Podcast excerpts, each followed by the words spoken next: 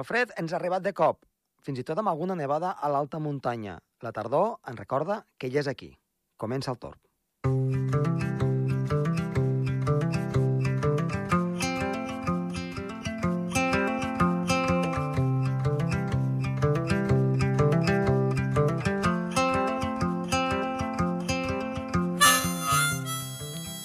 Avui estrenem nou col·laborador, en Marc Gasó, que ens parlarà de com canvia la temperatura respecte, en aquest cas, les precipitacions que puguin haver i si ens cau neu o ens cau pluja, depenent d'aquesta temperatura i de la massa d'aire que hi ha al voltant. A més a més, hem de tenir amb nosaltres en Gerard Tauler, que ens parlarà de com ha estat aquest estiu en general arreu del Pirineu.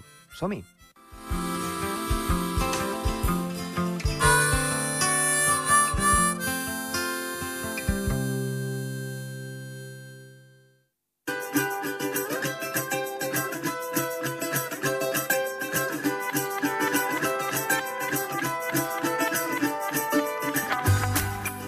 Comencem el programa i tenim nosaltres, com és habitual en cada temporada, en Gerard Tauler. Gerard, molt bona tarda i moltes gràcies per tornar a estar aquí al nostre programa. Gràcies a tu. Gerard, en aquesta nova temporada, evidentment, hem de començar a parlar del que ha estat aquest estiu, xafogós, llarg, calorós i finalment amb unes tempestes insòlites. Com ho podríem qualificar? No ho sé. Perquè déu nhi eh? Digo tu, digo tu. Com... Mira, tu t'ho explicaré. Excepcional, no? Excepcional i que... Mira. Ja el que preveuen els models del 2050 ja està passant ara el 2022. Doncs gairebé. Mira, et diré una cosa. A Andorra hem tingut, i mai s'havia donat, dos onades de calor. Més, Ja. més, al mes de maig, temperatures excessivament... Bueno, aquí... Molt per damunt del normal. Quatre mesos seguits consecutius rècord a Girona. No m'estranya, que- no m'estranya. Més De un maig agost, agost. un De agost, maig a agost, tots, tots mesos han sigut rècords per Cali. clar, aquí el mes d'agost, eh, Gerard ha Hem, estat... hem tingut 76 nits tropicals a Girona, quan la mitjana del segle XX era de 6, vull dir, sobren paraules, vull dir, no sé. Cal dir, Com, com deia en Ben Schuster, no hace falta decir nada más. exacte, cal dir, perquè els nostres oients ho sàpiguin, que eh, nit tropical representa temperatures mínimes de 20 graus o més. Sí, Val. sí, sí. Per una altra cosa, temperatures mínimes de 25 graus, com se n'hi diu? Nit tòrdida, encara que hi ha gent que diu en nit equatorial, però jo he dit a en Javier Martín Vide, que, que va ser el meu tutor de tesi, que la vaig acabar fa 8 mesos, sempre ha dit nit tòrdida quan passa de 25 de mínima. Ma, eh, aquest Girona no heu tingut, no? No vam fregar, ho vam fregar. Vam tenir 24 en 3 i a Sal sí que vam tenir rècord de mínim 24 en 7, el dia 19 de juliol. Per tant, eh, hem estat... Hem fregat la nit tropical tòrrida, però no, no hem arribat. Però vaja, ja arribarà. No, no, Exacte. Paciència, el Exacte. temps. Eh, només cal mirar el que ha estat, doncs, eh, moltes ciutats de les costes mediterrànies properes Bueno, que ho han superat i mai s'havia sí, vist bueno, això. eh, a Barcelona no sé quantes nits tòrrides han tingut, però almenys 33 segur, eh? Al, al, a Barcelona Raval, a l'Observatori del Raval. Mm Escolta, a què ha sigut degut aquestes calorades que hem tingut aquest juliol, juny, també clar, la maig? si- persistència de situacions de calor, de, de situacions de, de, de pantà baromètric anticicló en alçada, clar. Mhm. En canvi, el mes d'agost aquí ha sigut bastant plujós, eh, a Andorra? Sí, Ah. va, va ser a partir del di- 17 que van començar les tempestes. Mhm. Aquí Sal va ploure el dia 17, 55 en 4 litres, i sí, sí, va ser una tempesta que molt forta. En canvi, a l'al- a l'altre punt de la ciutat, a, a Palau, va ser 11 litres, però va haver inundacions aquí als carrers, sí, sí, sí. M'agradaria comentar, eh, finalment, Sí, la pedregada, no? Exacte. La pedra aquella de, de, de 10 centímetres, perquè hi ha gent que en va mesurar 12. O sigui, clar, és, és una supercèl·lula. Una supercèl·lula. La supercèl·lula és, la tempesta més forta, a part de, de, de, de, de, de, de, dels sistemes de convectius de major escala. Per tant, déu nhi Una... una... Una, tempesta, una tempesta organitzada amb un moviment de, descens i un de descens i, i, i que va rotant i que pot, estar, pot donar tornados, però n'hi ha, ha tres tipus, la, la, les que donen tornados, la, la, les mixtes i les que donen molta aigua, que es diuen eficients, molta pluja. I aquesta doncs, va donar doncs, això, pedra. Per tant, eh, parlàvem de, te'n recordes, abans d'acabar la temporada, de que doncs, eh, tindríem un estiu llarg i calorós, amb això hem encertat i que al final doncs aquesta calor ha de sortir per algun lloc i ja ho hem vist amb aquestes tempestes. Sí, clar, l'energia ja, ja diuen, no, no, no, no, no es destrueix, es transforma. Exacte, doncs pues mira, així s'ha transformat. Eh, Gerard, moltes gràcies per estar de nou aquí al programa Molt bé, i, i ens trobem una propera vegada.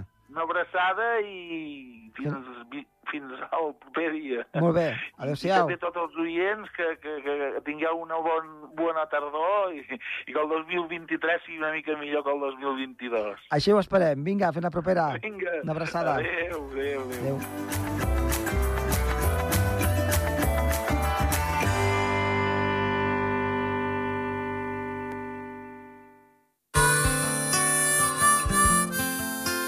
El Torb, amb Josep Tomàs.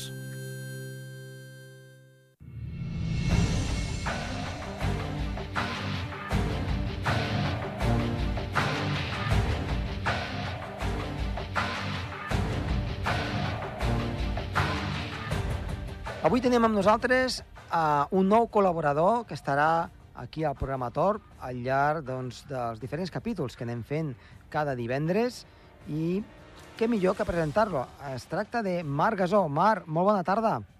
Bona tarda, què tal? I moltíssimes gràcies per col·laborar aquí al programa. El Marc Gasó doncs, anirà col·laborant algunes setmanes donant informació meteorològica i explicant doncs, alguna altra anècdota també de tipus meteorològic. I què millor per començar que, Marc, et presentis tu mateix perquè els nostres oients et puguin conèixer. Sí, home, doncs mira, primer de tot agrair-vos a vosaltres la participació en aquest programa. El plaer és meu col·laborar sempre amb una ràdio andorrana i amb una ràdio on la climatologia d'un país és tan diversa com Andorra. I doncs mira, jo vinc de la branca de la geografia, uh, vaig fer la carrera de geografia a la UB, a la Universitat de Barcelona, i després vaig fer el màster en climatologia aplicada, uh, tutoritzat pel Javier Martín Vide, que molts segurament coneixeran. Sí, i tant. I, bueno, després vaig estar al diari Ara, fent previsions del temps als caps de setmana, i he estat de becari força temps a TV3, a la Televisió de Catalunya, amb en Tomàs Molina, el Dani, i després també vaig estar a Barcelona Televisió, amb el Marcos Amores. Uh, segurament aquests noms a molts aficionats també segurament els coneixeran.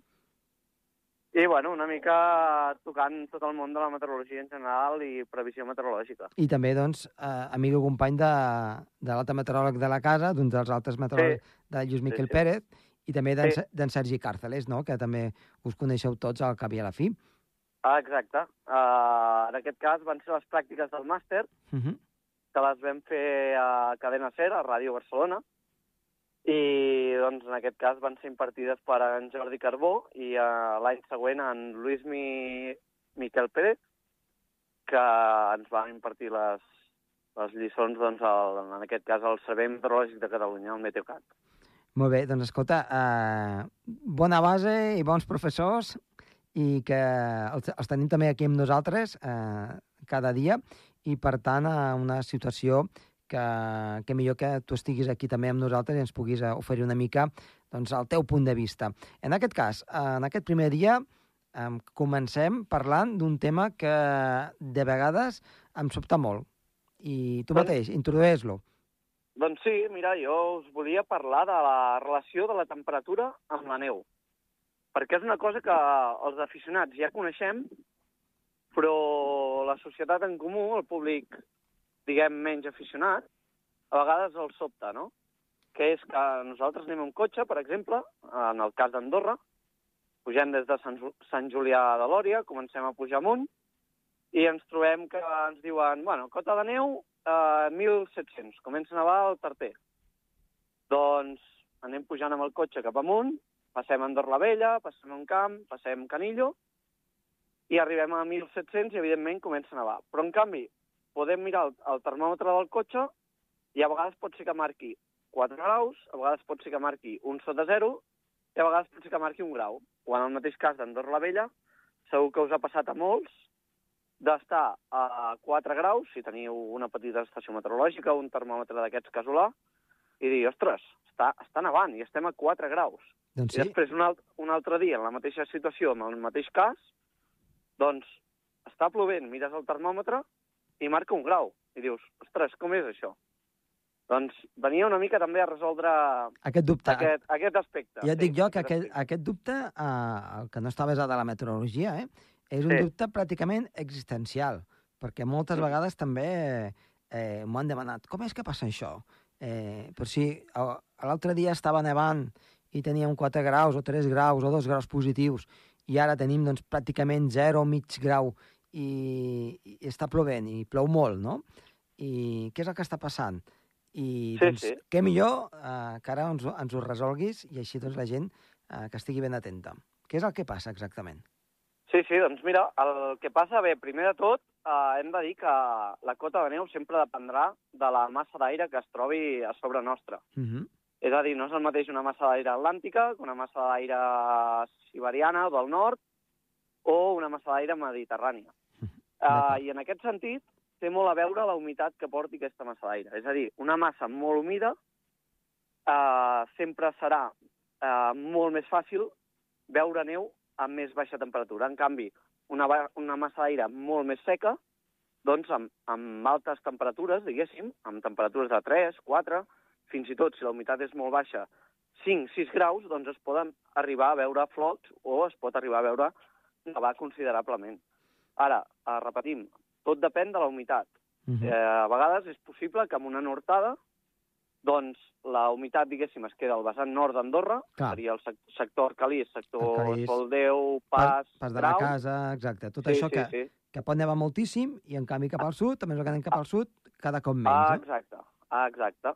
I clar, què passa? Al nord tens humitats del 80-90%, però com que estàs àmpliament sota zero, neva igual, i en canvi a vessant sud, si entra molt fred en alçada, pots estar amb humitats del 30-40% i a 6 graus, 5 graus, i veure esc- escapar flocs. I dius, ostres, que curiós.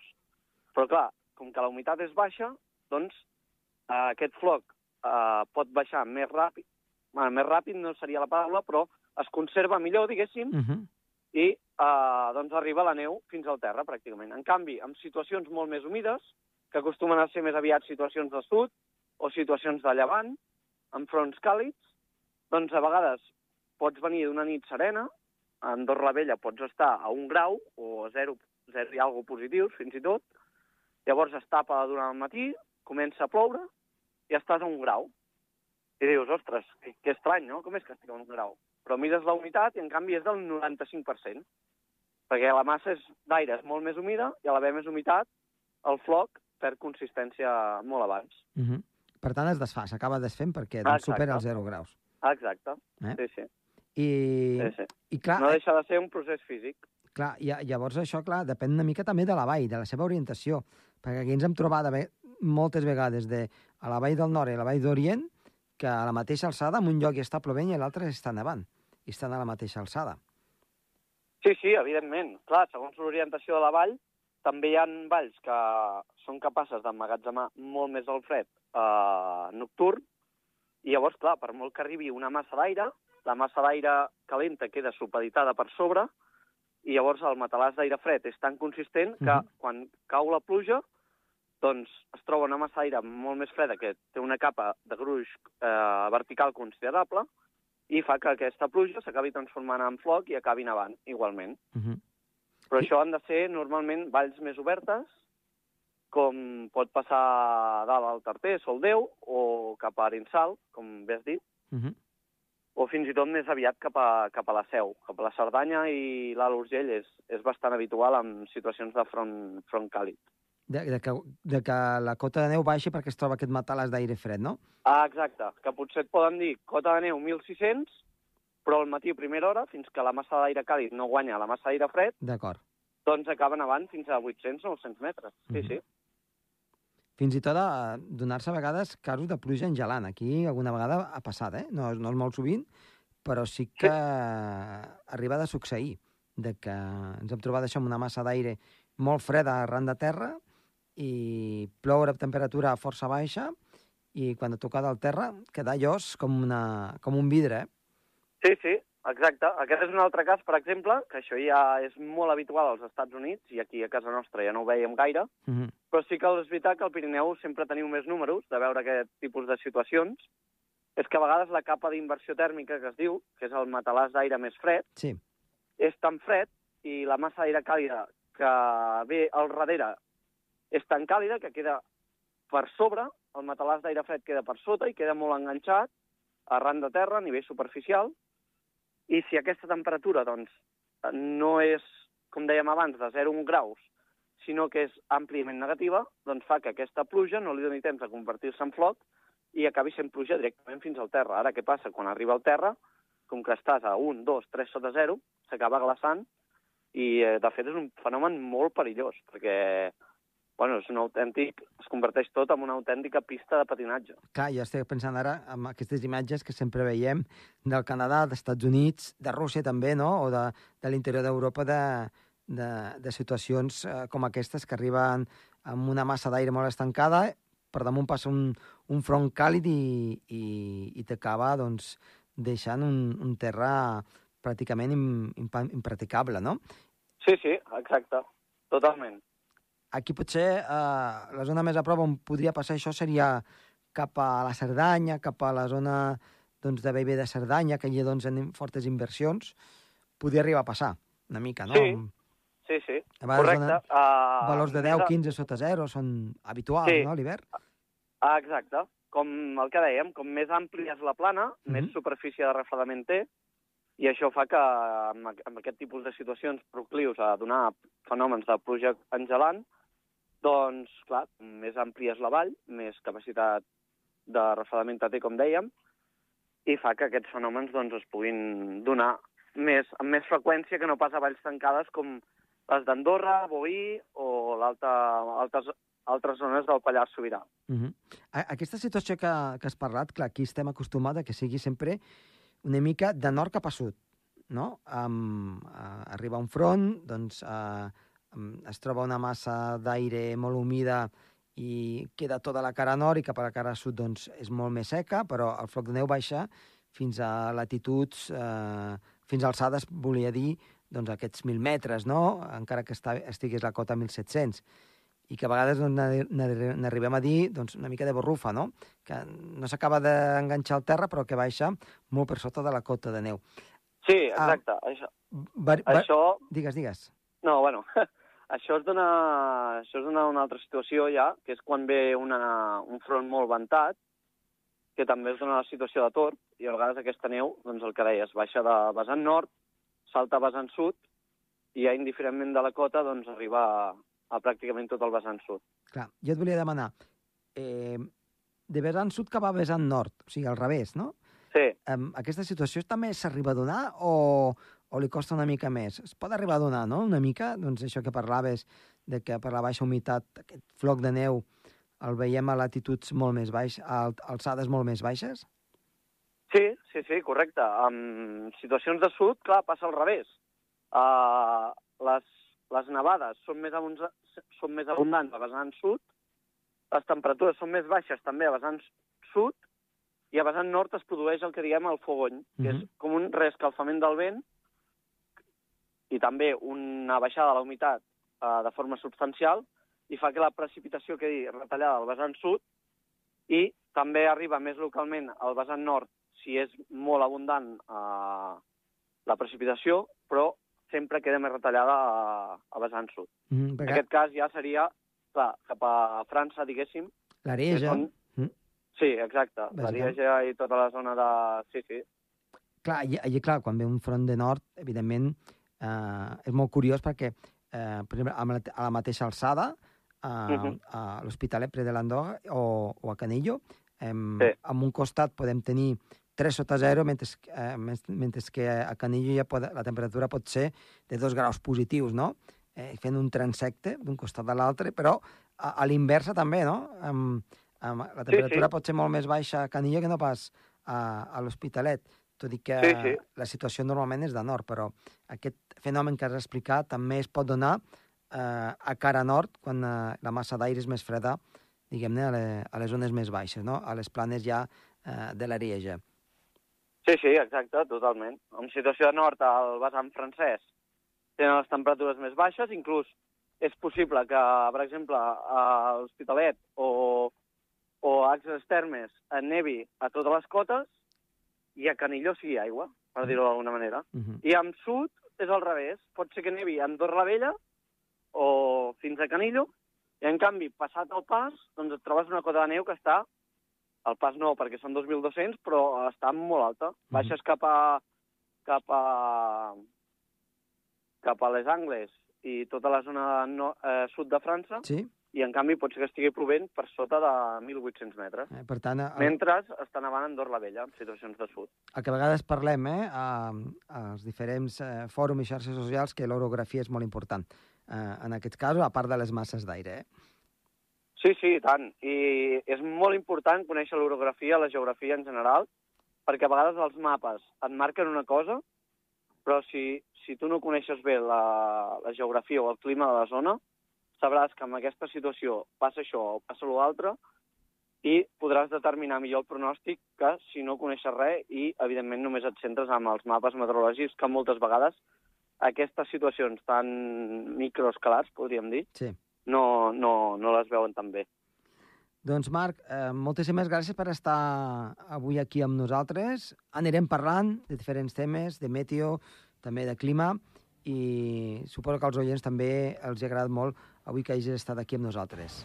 Gràcies, fins la Molt bé. propera. Molt bé, gràcies a vosaltres. Un plaer, Adéu. com sempre. Adéu.